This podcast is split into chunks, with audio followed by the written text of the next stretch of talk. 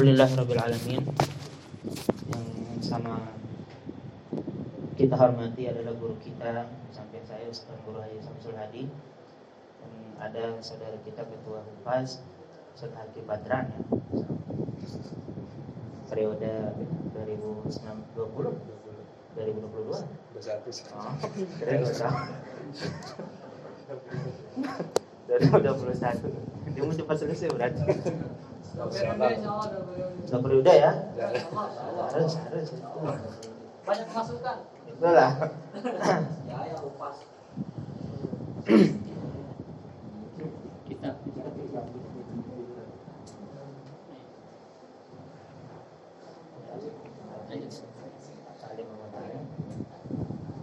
Kemarin katanya minggu lalu ya Yang sebelumnya salah Segala puji bagi Allah Dan salam serta salam kepada Nabi besar Muhammad Sallallahu Alaihi Wasallam.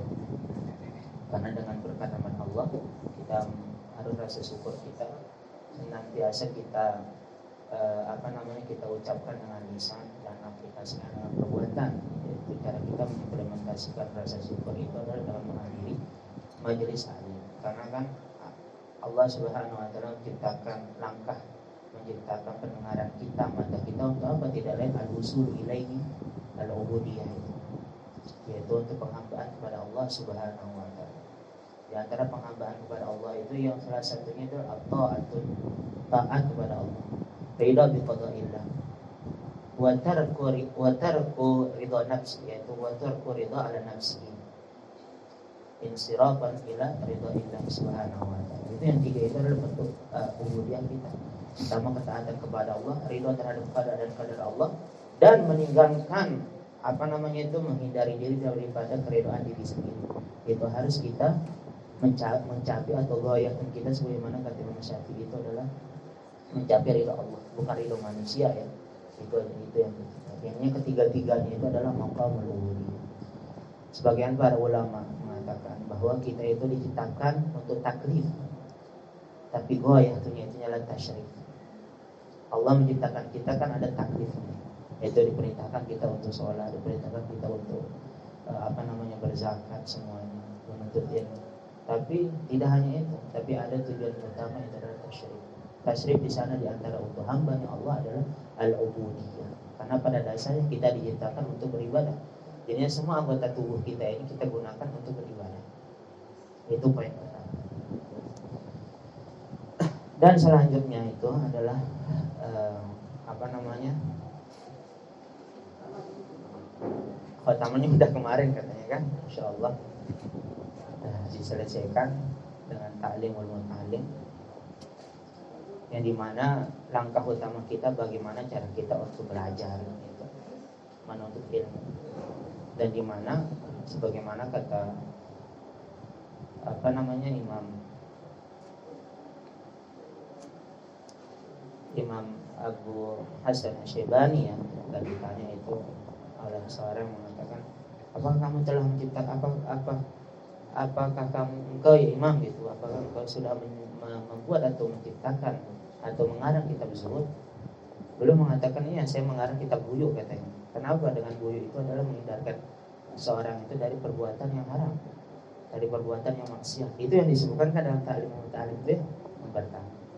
Jadinya apa yang ada dalam kitab ta'lim ta'lim di sana itu mengantarkan kita bagaimana cara kita benar-benar mendapatkan yang namanya ilmu itu.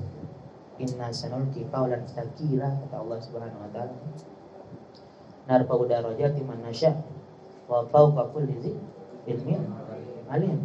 Jadinya di sana itu Allah terus dalam surat Al-Mujadalah itu atau Mujadilah yarfa'illahu alladzina amanu minkum walladzina utul ilma darajat. Jadi Allah Subhanahu wa taala mengatakan al-ilma. Mas ilmu. Makanya kata Imam kata para ulama termasuk Imam Ghazali Jadinya bagaimana mungkin katanya Allah Subhanahu wa taala eh, apa namanya? Kita itu menuntut ilmu gitu istilahnya. Bagaimana mungkin seorang yang menuntut ilmu yang di mana dia itu menuntut ilmu untuk melawan daripada agama itu sendiri. Karena apa? Tidak mungkin seperti itu katanya. Kalau ada orang yang menuntut ilmu tapi pemikirannya itu seakan-akan seakan-akan dia itu menentang daripada agama Islam. Itu bukan berarti ilmu. Berarti karena ilmunya itu adalah Allah Subhanahu wa taala menjadikan ja'alallahu ilman liyusiluka ilaihi untuk mengantarkan kita kepada Allah Subhanahu wa taala. Makanya kata Profesor Dr. Dr. Ali Jum'ah, al farqu bainal ilmi wal ma'lumat itu adalah bahwa yang namanya ilmu itu adalah yusiluka Allah, yang akan mengantarkan kita kepada Allah Subhanahu wa taala. Yang yang akan mengantar kita bagaimana cara kita benar-benar untuk mendapatkan ma'rifat kepada Allah Subhanahu wa taala. Ubudiyah itu Islam. Bagaimana cara kita untuk belajar untuk agar apa? Agar kita benar-benar ini adalah sebagai hambanya Allah. Dari dengan ilmu itu kan. Kalau tidak itu kita tidak tidak tahu seorang itu bisa apakah benar dikatakan dia itu benar-benar belajar atau didun daripada ilmu itu didun daripada agama. Makanya nggak mungkin yang namanya ilmu itu dia itu menentang daripada kalau dia menuntut ilmu kemudian sikapnya itu menentang daripada ajaran agama. Oh itu bukan dikatakan ilmu.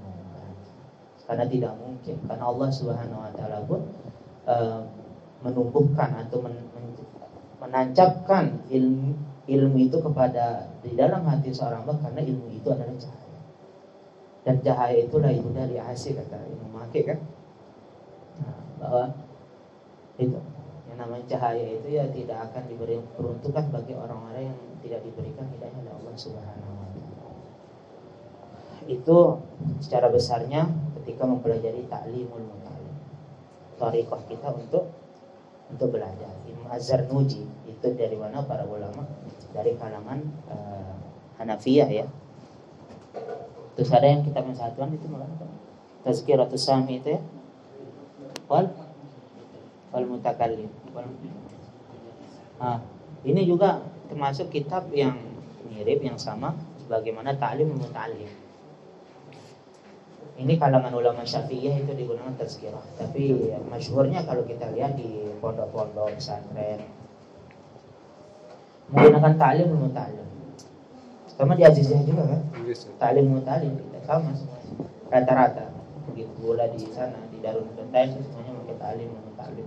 Rata-rata karena para ulama itu juga di Mekah itu para ulama guru-guru kita ketika belajar di Mekah itu dan Maulana saya Zainuddin itu ketika pertama kali datang ke Mekah umur 13 tahun saya Marzuk kalau nggak salah itu ketika baru belajar ditanya oleh dan saya Abdul dan guru Abdul Majid sudah nggak mengajarkan anakmu talim talim? katanya.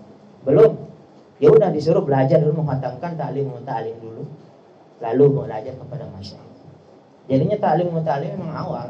Makanya para guru-guru kita ulama yang di Lombok itu mengatakan tidak perlu adanya guru BP katanya cukup pengajarnya itu sudah BP katanya. Kan ada istilahnya BP atau BK kan? Bagian pendidikan. Lan lan lan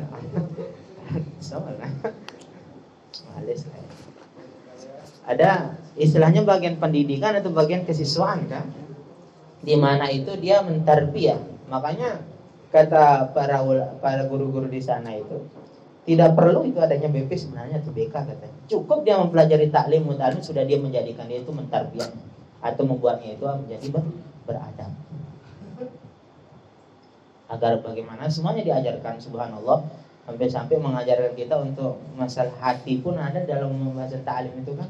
Kebetulan saya juga pernah ngisi gitu dulu pertengahan itu ya ketika masih di sekretariat lama itu tentang tawakal itu di mana kejadian yang kebakaran itu.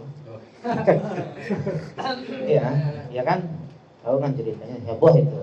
Bang Ion tiba-tiba heboh juga menyelamatkan berkasnya katanya dianggap bahwa rumah itu akan terbakar. Ternyata subhanallah, mati apinya apinya tuh bulan mati daripada ke kehebohannya.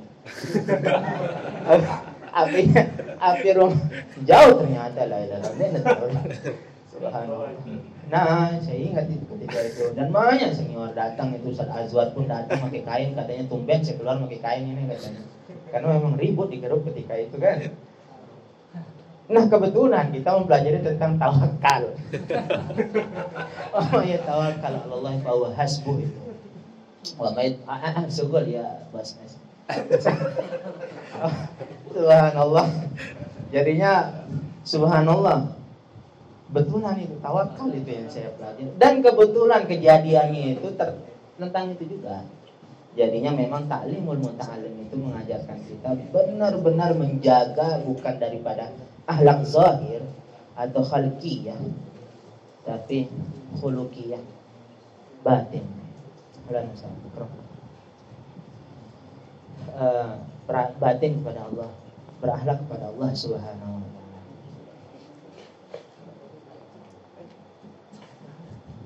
Nah, itu ya. Itu tentang di mana kalau kita lihat para ulama salaf dulu, Imam Malik, kawan-kawan semua. Uh, ini kan untuk mengingatkan, mungkin ada yang tahu tapi kalau yang belum tahu ya dapat istighfar. Kalau yang sudah tahu dapat istilahnya itu dapat uh, takkid murajaahnya gitu ya. Yang ada ada ifadah wal ifadah ada ifadah wal ada yang ada dan itu kulun kilahuma khair jadinya Imam Malik gitu. Ketika ada delegasi dari Maroko atau Maghribi ketika itu datang kepada Imam Malik bertanya suatu permasalahan. Kan muzamnya orang-orang Maghribi juga Malik. Ya mana Imam Malik itu? Imam Darul Hijrah dan tidak beliau tidak keluar. Tidak keluar mengembara sebagaimana imam-imam lain. Imam Syafi'i. Tidak seperti Imam Syafi'i itu Imam bin Hambal Imam Hanifah kecuali beliau itu keluar dari Madinah itu ketika berhaji. Uh, Imam Malik Imam Dari itu dan uh, ketika itu datang delegasi membawa 40 pertanyaan. Berapa yang dijawab Imam Malik? Cuma 36 dari empat pertanyaan. Dan heran kan ini masalah remeh ya imam katanya. Padilatul imam. Ini kan masalah ringan katanya. Langsung beliau marah langsung mengatakan inna sanulki alika kaulan sakila yang dimanya semua segala sesuatu yang berkaitan dengan ilmu itu adalah berat. Makanya kalau orang yang berfatwa itu tanpa ilmunya, dosanya itu kepada orang yang berfatwa. Jadinya berat sekali kata Imam Malik. Kalau gitu apa yang saya sampaikan gitu kata delegasi. Ya udah katakan Imam, katakan Imam Malik tidak tahu gitu istilahnya. Gampang sekali kan jawabannya. Makanya la adari itu adalah wal ilm. La adari itu adalah tidak tahu. Makanya kalau orang ditanya tentang apakah kamu tahu tentang esensi Allah? Cukup mengatakan la adrinya itu adalah ketika la adri, ketika dia mengatakan tidak tahu, berarti itu adalah ilmunya. Bahwa dia tidak tahu, bahwa itu adalah ilmu. Tidak tahu itu adalah il, ilmu. Nah, hakikat daripada ketidaktahuan itu adalah ilmu. Ya kan? Makanya kalau ada mengatakan saya tahu yang esensi Allah itu, marif hakikatnya di mana? Dikatakan marifat dia tahu. Dia tahu esennya oh, dia tidak tahu. Itu bohong berarti pada dasarnya itu dia tidak tahu. Ketika dia tahu berarti dia tidak tahu. Nah ketika dia tidak tahu berarti dia tahu bahwa kita tidak bisa mampu mencapai daripada esensi Allah ini kan itu dikatakan Malik dari ayat inna sanulki alika kaulan sakila kaulan sakila berarti ilmu itu kata Imam Malik makanya kata Imam kata murid Imam Malik saya nggak tahu mungkin ada yang ingat aja Beliau itu 18 tahun katanya menuntut ilmu bersama Imam Ali 20 tahun. Dua tahunnya itu menuntut ilmu. Dan 18 tahunnya itu adalah mendapatkan adab daripada Imam Ali. 18 tahun. Makanya kata kata kata beliau itu bisa saja saya katanya apa katanya kalau ilmu itu bisa saya dapatkan dari orang lain tapi adab itu saya tidak bisa mendapatkan dari orang lain. Adab. Bagaimana caranya berakhlak saya sampai sampai Imam Malik pun dia tidak berani menunggang keledainya gitu kan ketika di sekitar kota Madinah. Karena takut asal daripada keledainya itu adalah menginjak bekas Rasulullah SAW sampai seperti itu. Nah, ketika masuk masjid pun dia tidak berani untuk menggunakan terompahnya. masjid Nabi karena apa? karena ditakutnya dia tidak beradab. Menginjak apa yang diinjak oleh Rasulullah itu bayangkan asar ini jadi asar itu adalah illatun zahira. Bekas tapi yang nampak. Bagaimana cara melihatnya? Dengan ainul basirah. Bukan ainul basah ainul basirah. Jadi gitu. Sampai-sampai subhanallah ketika Imam Syafi'i menuntut ilmu belajar di Imam Malik kan beliau itu kalau meriwayatkan hadis muwatta itu, meriwayatkan hadis Nabi, pasti beliau itu menggunakan memakai pakaian bagus, memakai wangi-wangian, semuanya rapi. Nah ini yang diikuti oleh guru kita Syekh Mulan Syekh Ibrahim Abdul Bahis Al-Kattami. Beliau itu walaupun rumahnya itu sederhana, tapi bayangkan haibahnya ketika menghadiri majelis, apalagi majelis-majelis hadis, oh masya Allah, alim. Imam Malik seperti itu. Ketika uh, memulai hadis majelis, beliau itu uh, ditakutkan sudah mulai periwayatan hadis tidak dibolehin itu. Kalau ada yang merasa mungkin ada yang yang di mana menghadiri majelis Imam Malik itu adalah orang-orang yang istilahnya sudah diketahui oleh Imam Malik. Yang di mana dia tidak bermain di dalam majelis. Ini ketat sekali penjagaan. Tidak semua orang yang mau masuk di sana dalam majelis. Karena apa? Karena ditakutkan ketika ada yang berbuat atau mengusik daripada keseriusan beliau itu dalam meriwayatkan hadis, beliau sangat marah sekali. Karena ini langsung berbicara dengan Rasulullah Shallallahu Alaihi Wasallam. Hadis Nabi sampai sampai Imam Syafi'i itu ketika Imam Syafi'i datang, kan beliau tidak membawa rokok Imam Syafi'i. Jadi karena miskinnya beliau Imam Syafi'i, tangannya digunakan untuk menulis hadis. Dilihat oleh Imam Malik, tapi beliau tidak tidak menghentikan uh, periwayatannya. Karena kalau dia ditegur ketika periwayatan berarti kurang beradab dengan Nabi SAW jadinya belum melanjutkan. Sampai akhir majelis apa yang kamu lakukan? Katanya. Saya menulis apa yang engkau riwayatkan ya Imam kata Imam Malik itu kata Imam Syafi'i jujur sekali karena tidak buat kata dari ditulis dan diminta oleh Imam Malik untuk mengulang apa yang diriwayatkan dari awal sampai akhir itu semuanya disebutkan oleh Imam Syafi'i saking cerdasnya Imam Syafi'i. Dan ada pada suatu waktu juga Imam Malik ketika meriwayatkan hadis ini, tiba-tiba kata murid beliau itu setelah periwayatan, ya Imam kenapa pada hari ini kamu pucat sekali gitu katanya? Kamu pucat sekali gitu. Ketika meriwayatkan hadis pucat muka beliau itu berkeringat tiba-tiba.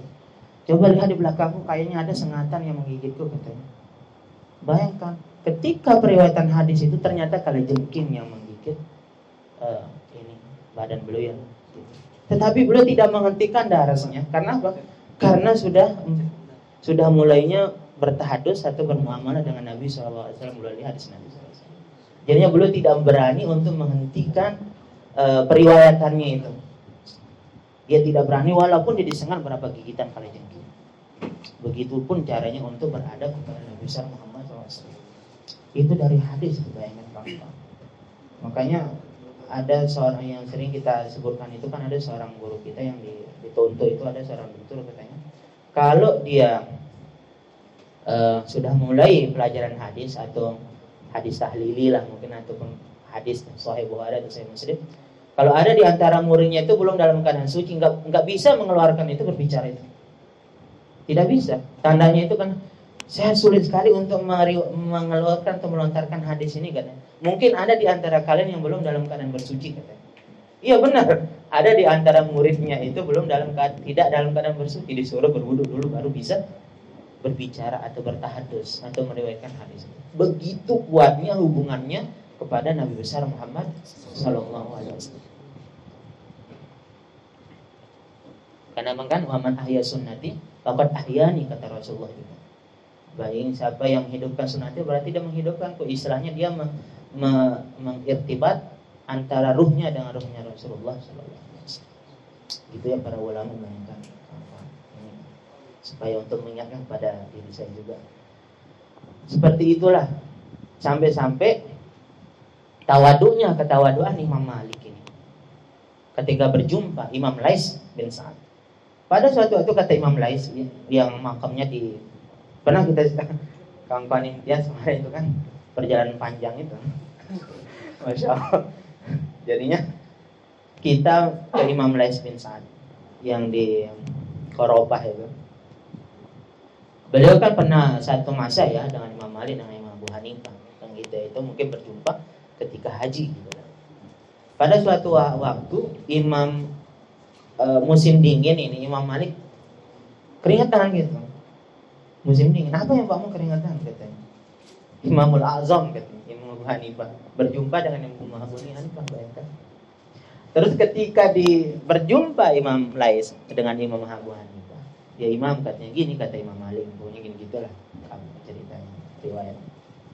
Bahwa ketika membuatnya keringat Imam Malik itu karena karena hadrotak gitu setelah itu Imam Abu Hanifah nah Imam Abu Hanifah mengatakan Subhanallah mau urus adanya tuh riwayat atau warisan ambia terkumpul di Imam Nabi. Di warisan Nabi Shallallahu Alaihi Wasallam terkumpul di Imam Malik. Iya, makanya dikenal dengan Imam Darul Hijrah. Tujuh sahabat ini mana keturunan daripada Abu Bakar Siddiq, Al Qasim bin Muhammad bin Abu Bakar Siddiq. Terus Salim bin Abdullah bin Umar bin Khattab, keturunan Urwah bin Zubair, Zaid bin Sabit, terus Abdurrahman bin Auf, yang tujuh dan Said bin Musayyib itu dari riwayatnya dari Imam Syafi'i diambil riwayatnya. Tujuh tujuh sahabat Nabi yang di mana? Ulama Madinah itu tujuh orang ini Imam Malik yang tepatnya panunya penerusnya Imam Malik adalah yang penerusnya itu adalah Imam Malik. Tujuh ilmu itu diturunkan kepada Imam Malik. Makanya tidak heran dikatakan Imam Darul Hijrah.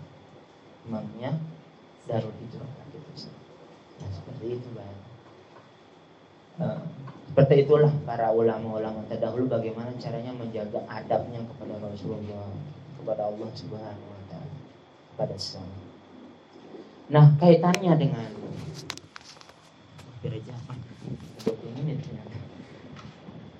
Berkaitan dengan kitab yang akan kita kaji minggu depan yaitu Imam Al-Ghazali. Bukan Ali Mudin Ghazali. Al-Ghazali Abu Hamid Al-Ghazali. Abu Hamid yang di mana beliau itu memang dari keluarga yang bersaudara dengan uh, saudaranya itu namanya Ahmad ya yaitu Abu Hamid orang yang tidak ada ya, penjual kan orang tuanya juga istilahnya itu menjual kain wol lah istilahnya kan membuat kain dan beliau itu ditinggalkan atau meninggal orangnya ketika masih kecil juga istilahnya belum dewasa. Dan dititipkan kepada sahabatnya juga. Dan katanya itu di riwayat itu disebutkan bahwa orang tuanya ini adalah ketika menghadiri majelis beliau itu senang sekali dengan majelis para salihin para awliya para ulama orang tua beliau membuat menghadiri majelis majelis fuqaha setelahnya setelah setelah menghadiri majelis pasti beliau itu nangis. Nangis kepada Allah Subhanahu wa taala. Nangis dan dalam hadir nangis. Babaka gitu. Dan minta kepada Allah Subhanahu wa taala untuk ayyarzukahu untuk di apa namanya diberikan rezeki. Ibnan fakihan katanya di sana. Wa'id itu jadinya diijabah oleh Allah Subhanahu wa taala. Lalu ketika menghadiri majelis para anu uh, wa'iz orang yang ceramah gitu istilahnya kan memberikan nasihat para dai Lalu setelah nangis juga seperti itu baka minta kepada Allah Subhanahu wa taala supaya diberikan ibnan wa'izan. Benar. Jadinya kata Imam Subaki, Al-Imam Al-Ghazali itu abqahu fi aqran. Itu pada zamannya itu memang beliau itu adalah orang yang istilahnya terhebat lah itu tercerdas pada zaman Imam Ghazali. Dan saudaranya itu juga termasuk wa'iz di mana itu menggetarkan hati ketika dia bicara. Semuanya itu. Tapi yang masyhur di kalangan kita itu adalah uh, Imam Ghazali, Abu Hamid Al Ghazali. Dan saudaranya juga punya kitab namanya Risalatul Tauhid katanya, tapi namanya Stahil Indah. Seperti itu. Al Imam Al Ghazali. Dan kata kawan, uh, kata kenapa? Nah ini dia, ayuhal walad itu. Mukadimahnya. Ada juga nusha yang mengatakan ayuhal walad al muhib ada muhibnya di sana. Ada walad, ada ayuhal walad muhib. Hanya dan para ulama menggunakan bisa ayuhal walad al muhib atau ayuhal walad saja. Risalah ayuhal walad atau risalah ayuhal walad. Itu sama. Tetapi awal daripada um, mengkarang itu hanya menulis kitab ayuhal walad ini kan bisa kita lihat dari beberapa biografinya itu bahwa murid beliau ini Imam Ghazali sudah mempelajari semua ilmu selain ilmu yang dipelajari oleh Imam Ghazali atau yang lain lah itu salahnya kan. Jadi sudah mempelajari ilmu yang lain ilmu balaghah semuanya. Minta untuk apa? Agar yang di mana suatu risalah yang menyebabkan itu ah, istilahnya bermanfaat di dalam kubur. Yang fauni fil yang bisa membuat saya itu menjadi manfaat itu menyelamatkanku lah gitu selain. Yang dapat menyelamatkanku dari siksa kubur dari kubur baru dikatakan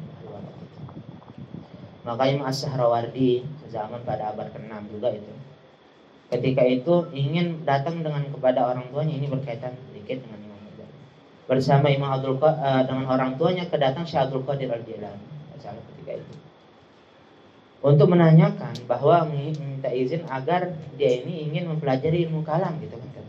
Eh ketika datang sholat bersama setelah salam Syekh Abdul Qadir belum ditanya langsung belum menjawab ilmu kalam itu tidak membuatmu bermanfaat katanya itu kata Abdul Qadir itu hitungnya kepada orang itu ya Bukan berarti kita tidak boleh mempelajari ilmu kalam. Berarti bisa jadi murabi itu kan memberikan petunjuk kepada seorang tapi bukan kepada yang lainnya.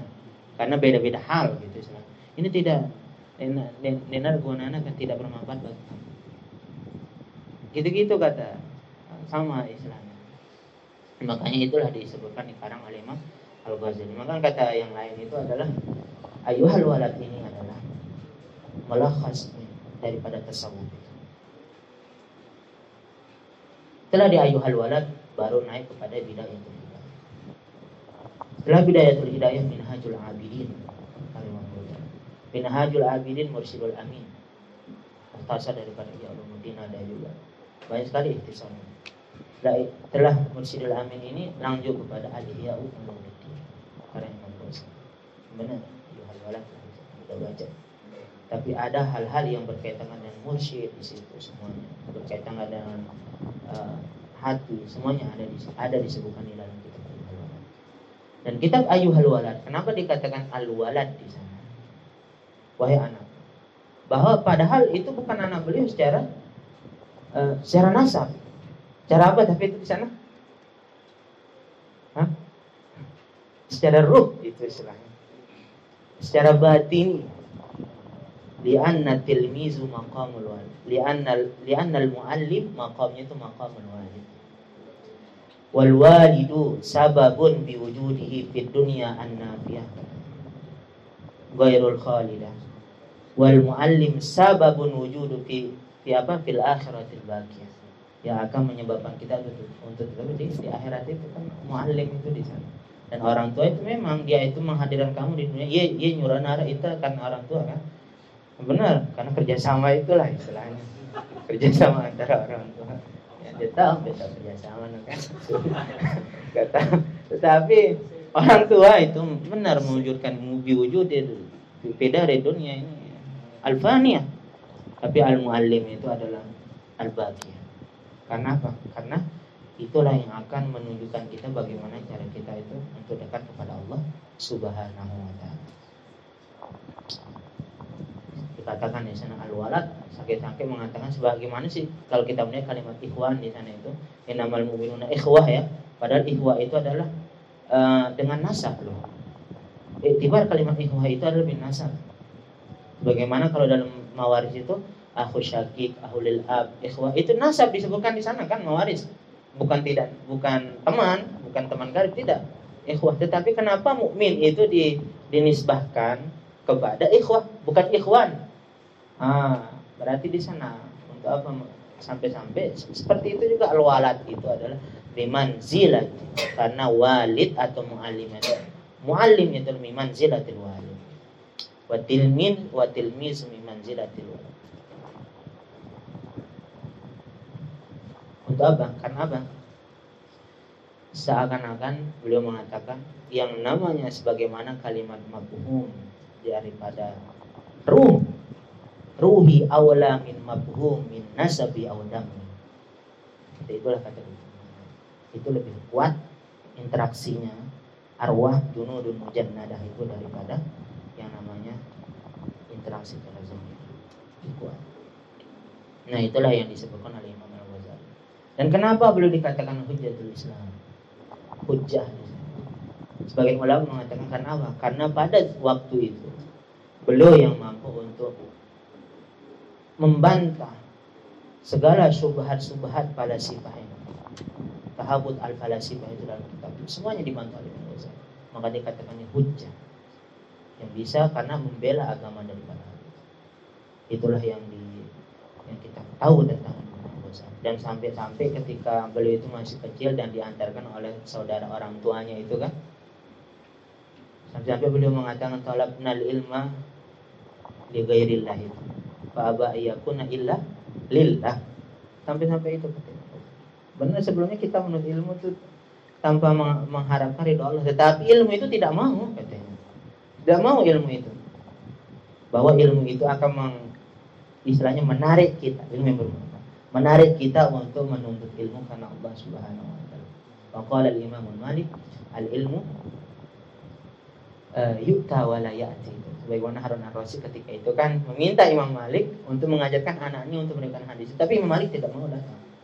Karena nama ilmu itu didatangkan, bukan ilmu itu yang mendatangkan. Itu katanya. Sampai benar, alhamdulillah. Dan kita yang kita mengaplikasikan istilahnya itu mentatbik dari apa yang dikatakan Imam. Kita mendatangi ilmu itu kan di Mesir, ya kan? Insya Allah kita datang. Tapi ya ada aja sih yang tidak mau. Makanya kata si Hitam Kamil itu, Wa safir kata, ka'alam yusafir. Yusafir ka'alam yusafir. Seakan apa? Karena kenapa? Dia itu safir, tapi ka'alam yusafir. Wujudu ka'adami. Dia itu sudah musafir ke Mesir, tetapi ketika pulang dia tidak bawa apa-apa, berarti dia seakan-akan tidak musafir. Jadinya orang-orang yang musafir itu al-hakiki itu katanya, orang yang musafir berarti ada manfaat yang dibawanya, ada istifadah yang didapatkan, ada ibadah yang didapatkan ketika dia pulang ke Indonesia atau ke rumahnya membawa istifadah itu. Kalau dia tidak mau istifadah berarti dia itu bukan dikatakan yang musafir. Contohnya kalau kita mutafasah Alexandria gitu kan. Kan kita ingin melihat keindahan istilahnya untuk apa represi istilahnya represin gitu kan. Jadi kita mendapatkan kalau masih galau aja itu ah, belum. Jadi repressingnya itu oh, adalah istifadah yang didapatkan minimal dulu repression sih lihat banget ya Alexandria. Tapi sekarang subhanallah, kok ya. Ini orang-orang Alexandria itu ngaji dia sekarang misalnya kerennya itu subhanallah. Ngaji pergi ngaji ziarah kepada aulia itu makanya kenapa kita orang-orang Alexandria itu untuk ziarah? Untuk agak mendapatkan istifadah itu. Ziarah ke aulia aulia Allah Jadinya itu ya kita saling sama-sama menyemangati. Apalagi ini kita mempelajari ayyuhal walad. Subhanallah. Berat. Ini berat. Tapi kita sama-sama agar kita mendapatkan ilmu yang bermanfaat memang namanya nasihat itu adalah salah kata Imam Ghazali di situ kan tapi muskilnya itu adalah menerima daripada nasihat itu apa kamu diterima atau tidak banyak banyak sering kita mendengarkan tapi yasma bimajaradin sami'a tapi uh, lam yastami Sami'a walam yastami. Bahaya. Kalau sami'a aja itulah kurang. Tapi yastami itu bagi orang yang mukmin karena ada hatinya. Tapi orang kafir dia itu sami aja. Makanya Al-Qur'an itu yasma wa in ahadu minal musyrikin astajaraka ajaru hatta yasma bukan hatta yastami. Terus dalam Al-Qur'an idza quri'al Qur'an fastami'u karena ada hatinya orang mukmin di sana. Wa hati yasma dan ini juga bisa kalau orang orang kafir dia tidak belum memiliki hati, hanya hanya telinga. Makanya di bimujarradin yasmanya itu bisa jadi hidayahnya Allah Subhanahu wa Tapi kan kita sudah mendapatkan hidayah dari Allah dengan adanya iman. Tapi bagaimana cara kita mengakar hidayah itu dalam hati kita? Yastami daripada apa yang didengar, apa yang didapatkan daripada guru-guru kita dan masing-masing. Agar apa? Agar mengakar itu di dalam hati. Makanya banyak sekali diriwayatkan subhanallah Imam uh, Syatibi ya. Ada para ulama yang sering mendengar itu di mana? Diceritakan yang terakhir ini berarti. Bahwa beliau itu tidak melihat gitu istilahnya. Beliau itu tidak melihat. Tetapi ketika ada seorang muridnya itu datang ke beliau untuk menyetor hafalan tapi muridnya itu dia tidak tahu bahwa dirinya itu junub. Nah terus apa kata beliau?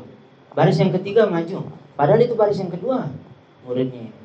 Ternyata ketika disuruh muridnya itu uh, orang yang ketiga tobur yang ketiga itu oh dia merasa oh iya malam itu saya bunuh katanya padahal beliau tidak tahu kan dari mana dia tahu? Beliau tidak mendengar. Tapi oke hatinya itu mata batin sampai seperti itu ya para ulama para wali ketajamannya itu subhanallah. Makanya kata para ulama itu ketika kita duduk dengan para ulama jagalah adab kita Fazfar Fahfaz al-adab. Tapi ketika kita duduk bersama aulia, jaga hati kita. Atau fahfaz daripada al Hati kita ini perlu kita tetap tajdi tajdi tajdi daripada niat sebagaimana hadis Nabi SAW innamal a'malu binniyat wa innamal likulli imri'in Jadi Rasulullah mengatakan likulli imri'in Dari niat itu aja 70 bab daripada ilmu uh, ilmu yang muncul 70 bab dari hadis itu Likuli berimanau. Kenapa? Ada sudah ditain di sana. Ditancapkan bukan hanya talafuz aja, tidak ada tidak ditancapkan atau tidak diazamkan dalam hati. Maka likuli berimanawa itu dalam kalimat kita harus ada ditakyin di dalam hatinya itu bahwa benar dia itu benar-benar dia berazam untuk berniat.